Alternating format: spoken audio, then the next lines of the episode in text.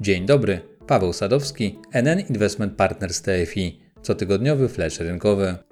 Dzisiejsze nagranie wypadałoby zacząć od przypomnienia chyba najbardziej popularnego inwestorskiego pożekadła, które ma związek z bieżącym miesiącem roku Sell in May and go away. Oczywiście idea stojąca za tym powiedzeniem jest prosta. Powinniśmy sprzedać akcje w maju, a na rynek powrócić we wrześniu lub w październiku, gdy akcje będą tańsze. Statystycznie mediana stóp zwrotu w maju dla indeksu WIG należy do najniższych w całorocznym okresie, obok marca i września. Jednak najgorszym miesiącem pod tym względem jest czerwiec. Czy w maju 2020 roku statystyka wygra z rzeczywistością, to okaże się za jakiś czas. Nie zmienia to jednak faktu, że pokusa, aby zrealizować spektakularne zyski osiągnięte przez indeksy w kwietniu jest spora. Warto dodać, że tegoroczny kwiecień był jednym z trzech najlepszych miesięcy dla globalnego rynku akcji od 2009 roku. Jeżeli chodzi o warszawską GPW, to najmocniejsze odbicie wycen zaliczyły małe i średnie spółki, choć do odrobienia pełni strat wciąż jest jeszcze daleko. Dla krajowych indeksów akcji pierwszy miesiąc drugiego kwartału był najlepszym w całej kończącej się w tym roku dekadzie. Oprócz stóp zwrotu, to dodatkowym argumentem, który może przemawiać za gorszym zachowaniem akcji w maju, jest smutny na tle zachowania rynków kapitałowych gospodarczy realizm. Mamy kryzys i czeka nas masowy napływ złych wiadomości.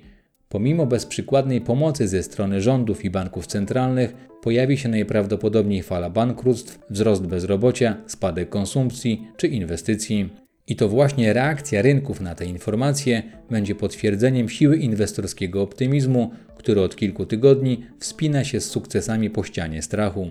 Pozostając jeszcze przy temacie akcji, to stanowią one aktualnie jedne z nielicznych aktywów, które daje szansę na osiągnięcie realnej dodatniej stopy zwrotu.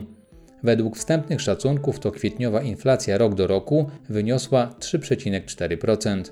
Trudno zakładać, że przy obecnych poziomach stóp procentowych to produkty wchodzące do najbardziej popularnego segmentu funduszy inwestycyjnych, czyli do grupy funduszy papierów dłużnych polskich uniwersalnych, będą w stanie wygenerować 12-miesięczną stopę zwrotu, która będzie przewyższała wspomniany poziom inflacji. A już na pewno jeszcze mniej skutecznym lekarstwem na postępujący spadek siły nabywczej pieniądza jest poziom oprocentowania lokat bankowych. O statystykach, z których wynika, że w dłuższych okresach czasu akcje chronią przed inflacją lepiej niż obligacje, wspominałem w komentarzu z 22 kwietnia. Oczywiście suche fakty płynące z historycznej ewidencji nie powinny stanowić jedynego oraz bezkrytycznego fundamentu akumulowania akcji do portfela. To po pierwsze, a po drugie, to już na pewno ten proces powinien zostać rozłożony w czasie. Warto również poczekać na wynik konfrontacji obecnych poziomów wycen z falą złych gospodarczych informacji, o których wspominałem przed chwilą. Dodatkowo, patrząc na aktualny oraz przewidywany poziom wskaźnika cena do zysku dla amerykańskich spółek, to trudno nie odnieść wrażenia, że ich ceny oderwały się od realnej gospodarki, w której przecież funkcjonują na co dzień. Oczywiście nie ma w tym nic dziwnego, bo ten trend obserwowany jest już od dawna, ale warto pamiętać o ryzyku fundamentalnym. Z tej perspektywy poziom zysku do ryzyka jest mało atrakcyjny. Niewykluczone, że to właśnie z tego powodu firma inwestycyjna, którą współzarządza jeden z najbardziej znanych inwestorów na świecie, mowa o Warrenie Buffetcie, posiada najwyższe saldo gotówki w historii i nie spieszy się z zakupami.